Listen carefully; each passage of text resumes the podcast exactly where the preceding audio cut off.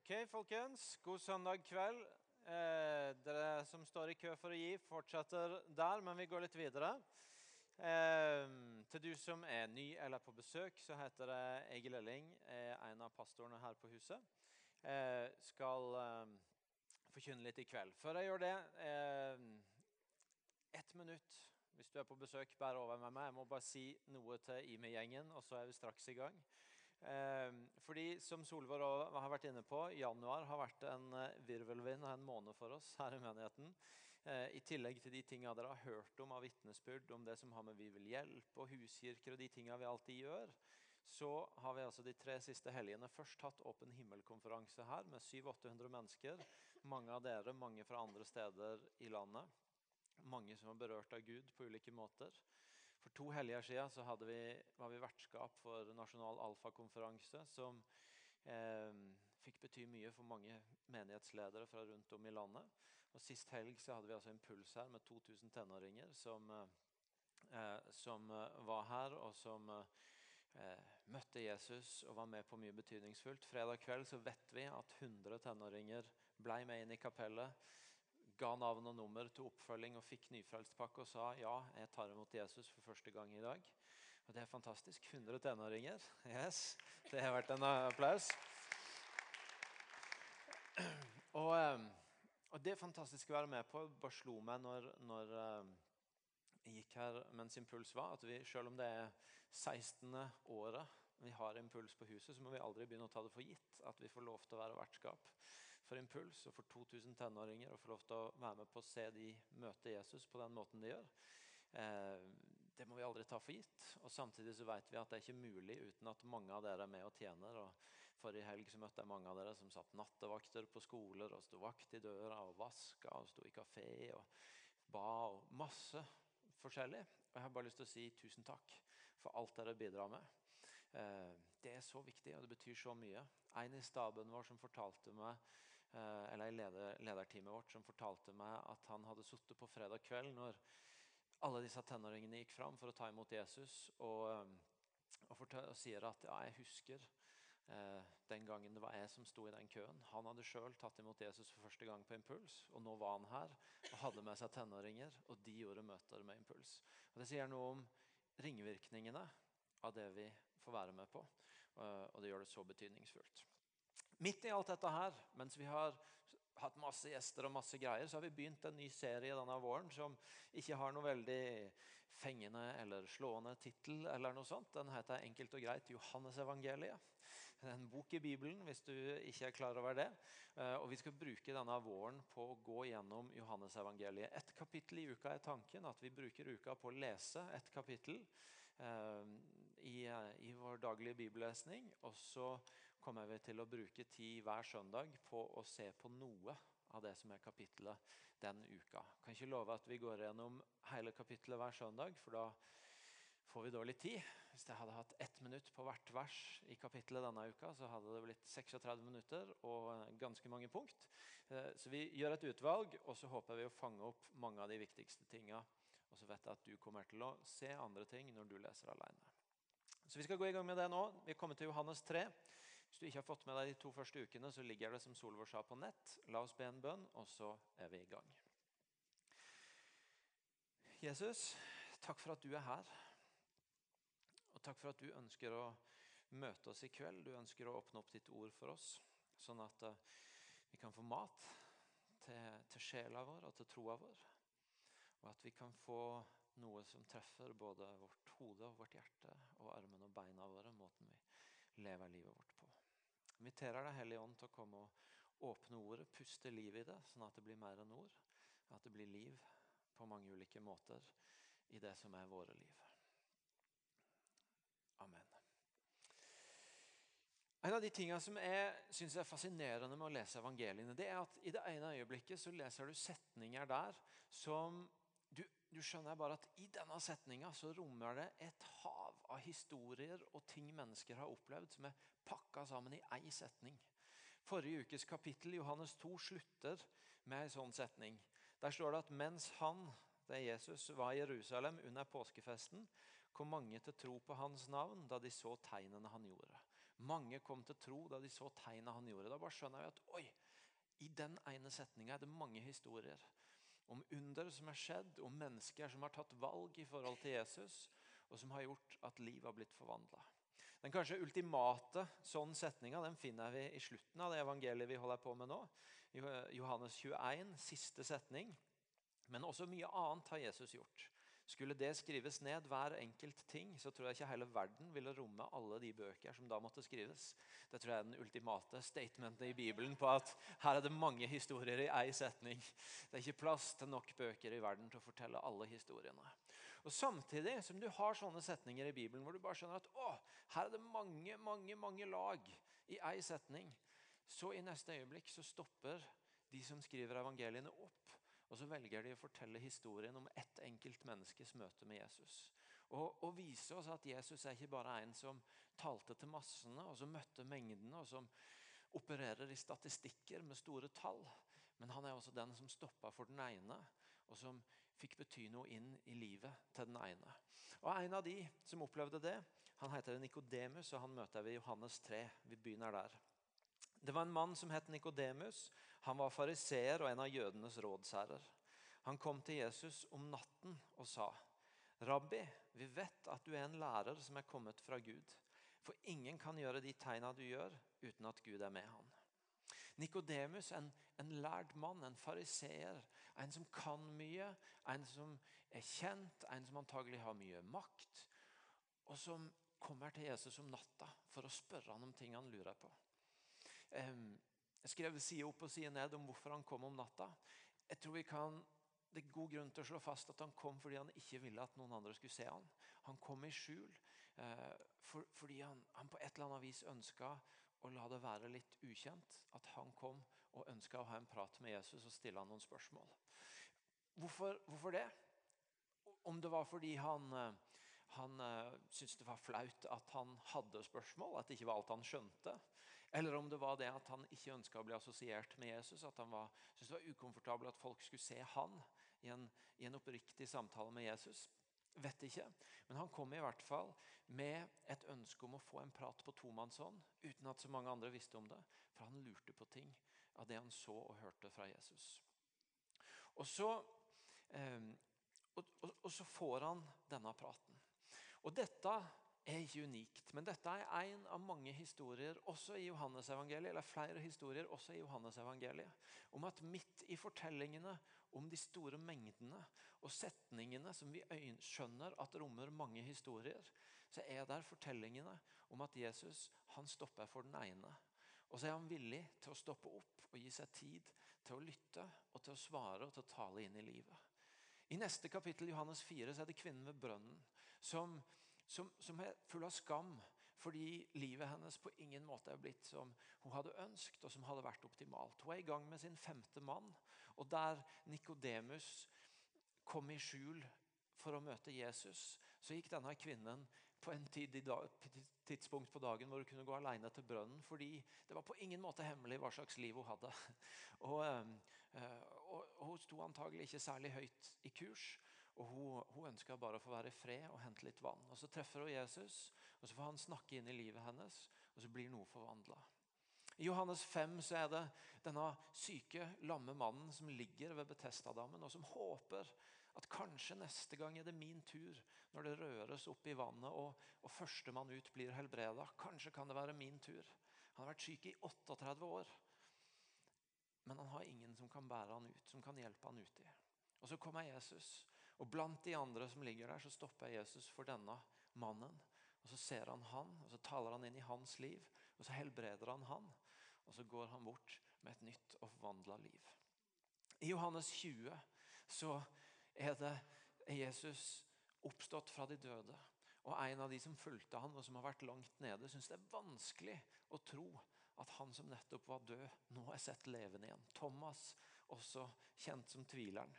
Og så tar Jesus seg tid til å stoppe opp ved Thomas, til å vise han hendene, til å la han få kjenne i såra. Og så får Thomas hjelp til å komme videre med tvilen sin. Um, og til å overkomme den, sånn at han igjen kan tro og følge Jesus. Dette er så viktig for oss å få tak i. At Jesus er villig til å stoppe for den ene. at Jesus er villig til å stoppe å besvare spørsmål. Stoppe å deale med synd og skyld og skam. Stoppe å deale med smerten vår. Stoppe og hjelpe oss med tvilen vår. For noen ganger tror jeg det er sånn for oss at, at vi lett når, når livet vårt og livet med Jesus ikke går på en måte på den strake linja. Når vi, når vi ikke føler oss som de som er først i køen fram i lovsang, eller fram til et eller annet spennende som skjer, og som vi tenker vi er klare for, så det er ikke sikkert vi tenker tanken fullt ut, men vi har litt lett for å lande i en sånn posisjon hvor vi tenker at nå er det så mye rot her at nå går sikkert Jesus forbi meg, og så videre til en av de som er mer klar. Som er mer på den rette linja, som, som står mer i første rekke. Og så, og så, er det akkurat som vi bøyer hodene våre litt, og så tenker vi at han passerer oss sikkert. Han har sikkert noen viktigere å snakke med. Det er sikkert noen som er bedre skikka til å få et møte med han. Det er sikkert noen han heller vil holde på med. Og så forteller evangeliene oss noe om at Jesus er villig til å stoppe. Og Jesus er villig til å eh, lytte til spørsmåla. Jesus er villig til å hjelpe oss å komme forbi skylda og skammen. Jesus er villig til å hjelpe oss med smerten og sykdommen. Jesus er villig til å tale tro inn i tvilen vår og til å hjelpe oss forbi tvilen. Og Derfor er også sånne historier som, eh, som, som den Einar kommer med når han forteller om huskirka og det fellesskapet de har lagd der, familiefølelsen. I formiddag hadde vi en annen nydelig historie om Trond og Merete som fortalte at de, etter å ha bodd i nabolaget sitt i, i flere år nå, en dag sendte melding til seks nabopar og sa velkommen til huskirke hos oss. Eh, det blir én sang, én bønn og en bibelfortelling. Eh, hilsen Trond og Merete som prøver ut det siste Imi har funnet på. og, så sier, sier Merete jeg tror ingen kommer. Og så sier jeg Trond slapp av, jeg tror alle kommer. Og så kom alle. ja, det er fantastisk. Og så skapes sånne arenaer hvor det blir rom for at vi kan få de møtene med Jesus. At de spørsmåla som Nikodemus trengte å stille, og som vi noen ganger trenger å stille, den, den smerten som noen ganger trenger litt mer tid til å bli snakka om, den, eh, de, de tinga som vi ikke er så stolte av, som, som du ikke bare slipper ut med en gang, den tvilen som ikke har så godt av å bare ligge her inne og røre seg, men som, men, men, som heller ikke alltid er så lett å si ut. Skapes de arenaene hvor det er naturlig og lett å slippe det ut og få hjelp til det. Og slippe Jesus til i fellesskapet til å få snakke inn i det. Derfor er vi så opptatt av sånne fellesskap som det Einar snakka om, og som jeg fortalte om Trond og Merete nå. Derfor har vi alfakurs. Derfor prøver jeg heller å kutte hvis jeg ikke har fått med alle punktene mine i talen min. Hvis jeg må det for at vi skal stoppe i tide til å rekke å ha forbønn etterpå. Fordi jeg vil ikke at dere bare skal høre masse ord fra meg, men jeg vil at vi skal ha mulighet til å stoppe opp og, og la Jesus få møte oss når vi ber for hverandre. Søndag for to uker siden på G11, etter at gudstjenesten var ferdig, etter at dåpsfamiliene var eh, eh gått ut eh, etter at egentlig det var lite igjen som skjedde her, så kommer det en mann fram på første rad og snakker med en i teamet vårt. Og, og, forteller om at han har vært i en prosess over flere måneder hvor han har hatt mange spørsmål. Han har vært helt fremmed for kristen tro. Så han har hatt mange spørsmål, mange tanker, mange ting som ikke har gått opp. Så han over tid fått stilt alle de spørsmåla. Og fått, fått, fått, bryne seg på dem. Og så har han, han blitt eksponert for Jesus. og så og Så våkner han den morgenen og så ber han en bønn til Jesus, og så får han et bønnesvar. Og Så er det på en måte vendepunktet for han, og så kommer han den søndag formiddagen fram og så sier han, nå er jeg klar. Jeg har lyst til å følge Jesus. Og så, og så tar han imot Jesus der og da. Fantastisk. Vår, vår vandring med Jesus, vår vei til han for første gang, og vår vandring videre med han, er ikke alltid lik. Vi har forskjellige veier, og det er forskjellige måter vi går med ham på. Vi er forskjellige. Kvinnen ved brønnen hun møtte Jesus, og han avslørte hva som hun prøvde å skjule. og, og De prata om det, og, og, hun fikk en ny frihet som gjorde at hun bare løp rett tilbake til landsbyen og sa jeg har møtt en mann som har fortalt alt om meg. Som om det var noe å skryte av. og, Og er på en måte bare umiddelbart så begeistra, snudd på hodet, klar for å fortelle videre. I Nikodemus står ingenting i det kapittelet vi leser i dag, om, om, om, hva som egentlig skjedde med han, hvilke konklusjoner han trakk med sin tro eh, av den samtalen han fikk med Jesus. Men, men vi møter han igjen i Johannes 7, og der står det der står det om han når det kommer en gjeng som lurer på hvorfor i all verden er ikke Jesus arrestert. Hvorfor, uh, uh, hvorfor er ikke han stilt for øversteprestene? Og så, og så aner vi at noe er i bevegelse i Nikodemus, i hvert fall. Fordi han er ikke klar til å kaste seg på resten av hylekoret som vil ha Jesus arrestert. Men han sier i stedet at, eh, eller det står i vers 50 Nikodemus, en av deres egne, han som tidligere hadde kommet til Jesus, sa da Loven vår dømmer vel ikke et menneske uten forhør før en har fått vite hva det har gjort. Nikodemus som den som det er et eller annet som skjer inni han som gjør at ok, jeg har behov for å helle litt kaldt vann i dette som skjer nå. Og, eh, og på en måte ja, stoppe opp litt, hjelpe Jesus litt. Eh, stiller meg ikke helt på hans side, men du aner at noe er i bevegelse. Og Så kommer du til kapittel 19 når Jesus er død. Og det står i, eh, fra vers 39 der om når Jesus skal tas ned fra korset, og han er død. Også Nikodemus var der, han som kom til Jesus første gang om natta. Han hadde med seg en blanding av myrra og all lurte, lurte på dette i formiddag òg. Hvordan uttaler du når det står aloe? Alo? Aloe? Ja, takk. Eh, omkring 100 pund. De tok da Jesu kropp og svøpte ham i linklær med den velluktende salven i, slik skikken er ved jødenes gravferder. Der hvor Jesus var blitt korsfesta, var det en hage, og i hagen en ny grav som ingen ennå var blitt lagt i. Fordi det var helgeaften for jødene, og fordi graven var så nær, la de Jesus i den. Nikodemus, som har gått fra å stille sine spørsmål til at vi i kapittel 7 aner at noe er i bevegelse, til at han her er en av de som får som fortsatt står med Jesus når han er død, som henter han ned fra korset og legger han i grava og salver han. Og Vi skjønner at på ett punkt så har han også gått fra å være en spørrende eh, råd, fariseer og skriftlærd til å bli en etterfølger av Jesus. Dama i kapittel 4 hun var der med en gang. Nikodemus måtte gå en litt annen vei. Veien vår er forskjellig. Og jeg har lyst til å si at de gangene hvor vi begynner å definere hvem vi sjøl ikke er, ut ifra hva vi ser at noen andre er, da er det veldig sjelden Jesus som snakker til oss. Når vi ser andres iver, andres glød, andres tro, andres frimodighet, andres tilsynelatende ah, Ingen spørsmål er problematiske. Alt er greit, det er fri. Sånn. Og, vi, og, så begynner vi å definere hvem vi ikke er, ut fra det vi ser de er. Så er det veldig sjelden Jesus som snakker til oss.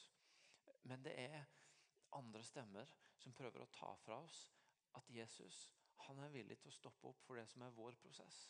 De tinga vi står i, sånn at vi kan komme videre i ei vandring med han.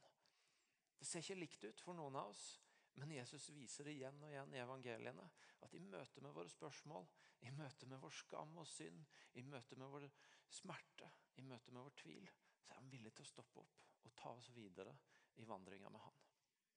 Amen. Det er så bra, vet du. Og så skjer jo det at når Jesus svarer Nikodemus, så kunne jo det jeg har sagt nå, forlede dere til å tro at ja, da var sikkert det en utrolig trivelig samtale. For Jesus han er jo den som stopper opp, og han hjelper oss videre. Og, og, og, ja, ikke sant? Men, men, det er jo ikke sånn, for Jesus han gir jo Nikodemus et, et skikkelig vanskelig svar. Et svar som for det første Nikodemus syns er vanskelig å forstå. Han er helt sånn oppriktig. Hva betyr dette her? Og for det andre så utfordrer han skikkelig. Og, og, det er et svar som sier oss noe om at Jesus han er ikke bare ute etter at folk er positive til han, gir han en tommel opp eller en like, men at han heller utfordrer, sånn at han kan komme dypere og få en relasjon med folk. Du vet, eh, noen av dere har sikkert også vært akkurat sånn som, opplevd sånn som jeg av og til opplever, at det ringer en telefonselger til deg. Og så forteller han deg hvilket unikt og fantastisk tilbud som nå er tilgjengelig, og som akkurat er så heldig å få akkurat nå. så da bare skriver jeg deg opp, og så er vi i gang. Og så er på en måte det, Konklusjonen er trukket før jeg har rukket å si noen ting. Og jeg må liksom stå på for å få inn et nei hvis ikke jeg skal ha kjøpt noe uten å ha sagt et eneste ord. Har noen her opplevd det? Ja. Og du, og, du, og du, bare tenker, ikke sant du, du, aner ikke om jeg liker det du selv er. Du aner ikke om jeg har bruk for det. Du aner ikke om jeg, om, jeg, om jeg, vil ha det. Du aner i hvert fall ikke om jeg kommer til å fortsette å bruke det etter at det fantastisk unike tilbudet ditt har gått ut. Men det eneste som egentlig betyr noe for, meg, for deg, det er å få meg inn på lista di, sånn at du kan si én til tok, tok det tilbudet. Sånn er ikke Jesus. Han prøver ikke bare å få én til inn på lista si, sånn at han kan si at én til er positiv og har trykka på like-knappen for meg. Men han er heller villig til å utfordre og til å, eh, til å, til å gi de litt krevende svarene, sånn at han kan komme videre, at han kan komme dypere. At han kan ta oss inn, ikke bare i en like, men i en relasjon og en etterfølgelse. Og Det er det som skjer når han denne her litt snodige samtalen utspiller seg. For det står fra vers 3. Jesus svarte, 'Sannelig, sannelig, jeg sier det, den som ikke blir født på ny, kan ikke se Guds rike.' 'Hvordan kan en som er gammel, bli født?' sa Nikodemus. 'Kan noen komme inn i mors liv igjen og bli født for andre gang?' Jesus svarte, 'Sannelig, sannelig, jeg sier det. Den som ikke blir født av vann og ånd, kan ikke komme inn i Guds rike.' Det som er født av kjøtt, er kjøtt, men det som er født av ånden, er ånd. Undre deg ikke over at jeg sa til deg, dere må bli født på ny. Vinden blåser dit den vil. Du hører den suser, men du vet ikke hvor den kommer fra, og hvor den farer hen. Slik er det med hver den som er født av ånden. Hvordan kan dette skje? spurte Nikodemus. Jesus svarte, du, en lærer for Israel, og vet ikke det? Det er en veldig positiv salgsteknikk. Hæ, skjønner du ikke det? sannelig, sannelig, jeg sier det. Vi taler om det vi vet, og vitner om det vi har sett, men dere tar ikke imot vårt vitneutsagn. Hvis dere ikke tror når jeg taler til dere om det jordiske, hvordan kan dere da tro når jeg taler om det himmelske? Jesus utfordrer Nikodemus. Han sier ting som Nikodemus syns er vanskelig å forstå. Han, han, han, han stryker ikke bare Nikodemus med håra. Og essensen i det Jesus sier, det at han, han, trekker fram noe som gjennom store deler av, som, eller som mange ganger i Johannes-evangeliet dukker opp som en kontrast som er veldig tydelig i det evangeliet. Nemlig forholdet mellom det som kommer fra Gud, det som kommer fra himmelen, og det vi mennesker kan klare å utrette og skape på egen hånd. Han, det, det, er en sånn kontrast som, som, igjen og igjen går igjen. Og Her sant, sier, snakker han om at det som er født av kjøtt, er kjøtt, men det som er født av ånden, er ånd. Litt seinere i dette kapitlet så sier Johannes et menneske kan ikke få noe uten at det blir gitt ham fra himmelen. Og Dette er en kontrast som lever i Johannesevangeliet, og, og som Jesus for alvor begynner å trekke inn her.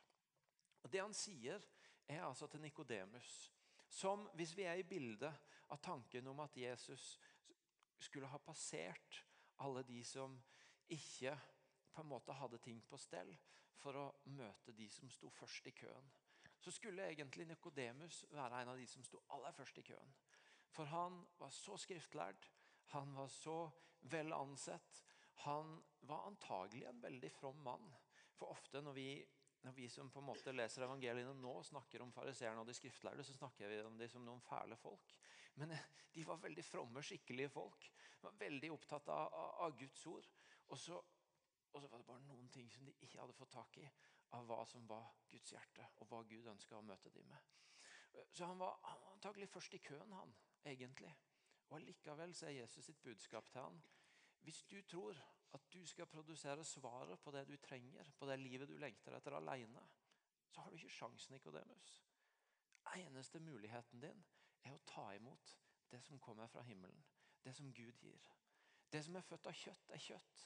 Det du prøver å få til på egen hånd, det, det, du prøver å prestere for å komme til Gud på egen hånd, det nytter ikke. Men det som er født av ånden, er ånd. Det Gud gir, og som kommer fra himmelen, det er det som vil gi svaret til deg. Og Dette er en gjenganger i Johannesevangeliet. I de 21 kapitlene som Johannesevangeliet har, så er, så er ordet 'gi' brukt 63 ganger. Det er, et, det er et evangelie som igjen og igjen tegner bildet av Gud som en Gud som gir. En Gud som tar av det himmelske og gir til jorda. Mange ganger så står det om hvordan han far gir til sønnen. og Det står det også om i kapittel 3, helt mot slutten, vers 35. Faderen elsker sønnen og gir alt i hans hånd. Men så står det også mange ganger om hvordan sønnen gir videre til oss for at vi skal få del i det som Gud ønsker å gi til denne verden. Og han, Jesus bare på en måte banker inn den, den spikeren for Nikodemus at det som er født av kjøtt, er kjøtt. Du kan ikke fikse dette på egen hånd. Du, ikke, du klarer ikke å besvare det du egentlig lurer på nå, og det du egentlig lengter etter på egen hånd. Men du må ta imot det som Gud gir, det som er gaven fra himmelen, hvis du skal få svar på det du lengter etter. Og Så tar Jesus dette et steg videre når han i de neste versene trekker fram et bilde fra fortellingen i Det gamle testamentet for å gjøre det ekstra synlig for Nikodemus hva dette handler om. Han sier fra vers 13.: Ingen annen er steget opp til himmelen enn han som er steget ned fra himmelen. Menneskesønnen som er i himmelen. Og Slik Moses løfta opp slangen i ørkenen, slik må menneskesønnen bli løfta opp, for at hver den som tror på han, skal ha evig liv. Jesus trekker fram bildet fra når Moses og israelsfolket gikk i ørkenen. Og Det kom til den situasjonen hvor folket begynte å klage og murre. Og, og Det står om hvordan de som en konsekvens av det så begynte det å komme slanger inn i leiren som var, som var giftige og som kunne bite dem sånn at de døde. Og så, og så roper Moses til Gud, og så, og så er svaret Gud gir, at, sier til Moses at du skal sette opp en kobberslange i leiren. Og hvis, hvis, folk blir bitt av slangene, så skal de se på den, og så skal de bli helbreda, skal de bli friske, skal de ikke dø. Og Så sier han egentlig til Nikodemus og til oss at når ting i dette livet biter dere, så skal dere se på han som måtte bli løfta opp. Menneskesønn Jesus sjøl. Og så er det han som er svaret på de tinga som biter dere, og som tar fatt i dere, og som, og som dere ikke kan ordne opp i på egen hånd. Dere skal se på han som måtte henge på et kors. Og så er han svaret på alle de utfordringer dere møter, på alle de tingene som biter dere, og som dere ikke kan fikse på egen hånd. Og så er det budskapet egentlig fra Jesus til Nikodemus at skal du finne ut av dette, så må du ta imot det Gud gir. Du må feste blikket ditt på Han som må løftes opp, menneskesønnen. For det er hos Han svaret ligger. Og Så fortsetter Jesus med å drive hjem. Hvorfor Hvorfor gjør han dette? Hva handler dette om? Hva er motivasjonen bak dette? Hvor, hvor kommer dette fra? Det vi kjenner som den lille Bibel. For så høyt har Gud elska verden at han ga sin sønn den enbårne, for at hver den som tror på han, ikke skal gå fortapt, men ha evig liv. Hør på dette. Gud sendte ikke sin sønn til verden for å dømme verden, men for at verden skulle bli frelst ved han. Wow. Drivkraften er kjærlighet. Drivkraften er at han elsker. Derfor gir han. Gir igjen og igjen. Gud som gir. Det er svaret på vår synd, på vår smerte, på våre spørsmål, på våre tvil. For hjertet hans var ikke å dømme verden, men å frelse den.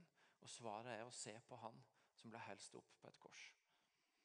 Og Det tror jeg er det Jesus ønsker å si til oss i kveld. At når vi møter spørsmålet når vi møter skammen og det som gikk galt i livet vårt, når vi møter smerten og sykdommen, når vi møter tvilen, så er ikke svaret å se ned og tenke at Jesus går nok forbi meg, så dette må jeg prøve å fikse opp i sjøl. Nei, det som er født av kjøtt, det er kjøtt. Men det som er født av ånden, det er ånd. Så svaret er ikke å se ned, men det er å se opp på han som gikk veien til korset. Og så er det han som har svaret på det vi ikke kan finne på egen hånd. For det som er født av kjøtt, det er kjøtt. Men det som er født av ånden, er ånd. Det Gud gir, er svaret. Det er ikke å se ned, men det er å se opp på Han. Nå skal vi reise oss opp og be sammen. Solveig og teamet skal komme og lede oss i en sang. Kan vi reise oss opp?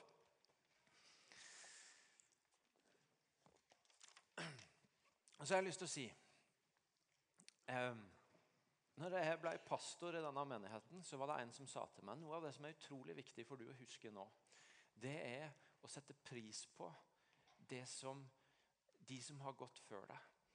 Um, å sette pris på det du sjøl ikke har betalt en pris for, men som du får leve i velsignelsen av nå. Og Derfor så har jeg hver gang eh, jeg hører historier om ting som har skjedd i denne menigheten før jeg kom hit, så prøver jeg å høre ekstra godt etter. Og Selv om jeg har hørt det før, så bare følger jeg med igjen. For Jeg tenker jeg skal aldri gå i den fella at jeg tar velsignelser jeg får leve i, men som andre har betalt en pris for å få gitt. Og Det er litt det samme vi snakker om her. At vi snakker om noe som kanskje kan være utfordrende for oss av og til å sette fullt ut pris på. Fordi vi har ikke betalt prisen for det sjøl. Men det er den eneste muligheten vår. Og Derfor så trenger vi å lene oss inn til historien om korset. Om han som ble løfta opp. Om han som inviterer oss til å ikke se ned, men til å se opp og se på han igjen og igjen. Solveig og teamet skal lede oss i en sang hvor vi på ett punkt synger May I never lose the wonder. Må vi aldri miste denne her gleden, takknemligheten, forundringa over at han kom og tok veien til korset for at jeg og du skulle bli tilgitt, skulle få nytt liv, skulle ha et sted å kikke på når tvilen, når spørsmålene, når smerten, når synden og skammen biter oss og rammer oss. Skal vi be sammen. Jesus, tusen takk for at du kom. Tusen takk for at du kom. Og tusen takk for at du er den som er villig til å stoppe for den ene av oss i dette rommet. Tusen takk for at du ikke er den som går forbi, men du er den som stopper. Og tusen takk for at du ikke er den, ikke er den som bare stryker oss med håra og sier de enkle tinga som, som tar oss en lettvint vei. Men for at du utfordrer, sånn at vi kan gå dypere og få et vennskap, en relasjon med deg. Og tusen takk for at når vi blir bitt, og når vi kjemper med ting så inviterer du oss ikke til å se ned og produsere et svar sjøl. Men du inviterer oss til å se opp og finne svar hos du. Og Det ber jeg deg om for de av oss som er i dette rommet nå, som, som trenger det. Som akkurat nå har et blikk som er på vei ned. At du, når vi nå ber, og når vi nå tilber den neste sangen, at du løfter blikket vårt igjen, sånn at vi får feste øynene på du. Alle spørsmål i dette rommet som, som er i ferd med å bli altfor vanskelige. All synd og skam som trenger å tilgis og bli satt fri fra. All smerte som trenger å bli helbreda og trøsta for. All tvil som trenger å møte en ny fornya tro. Løft blikket vårt, Jesus. La oss få se på det.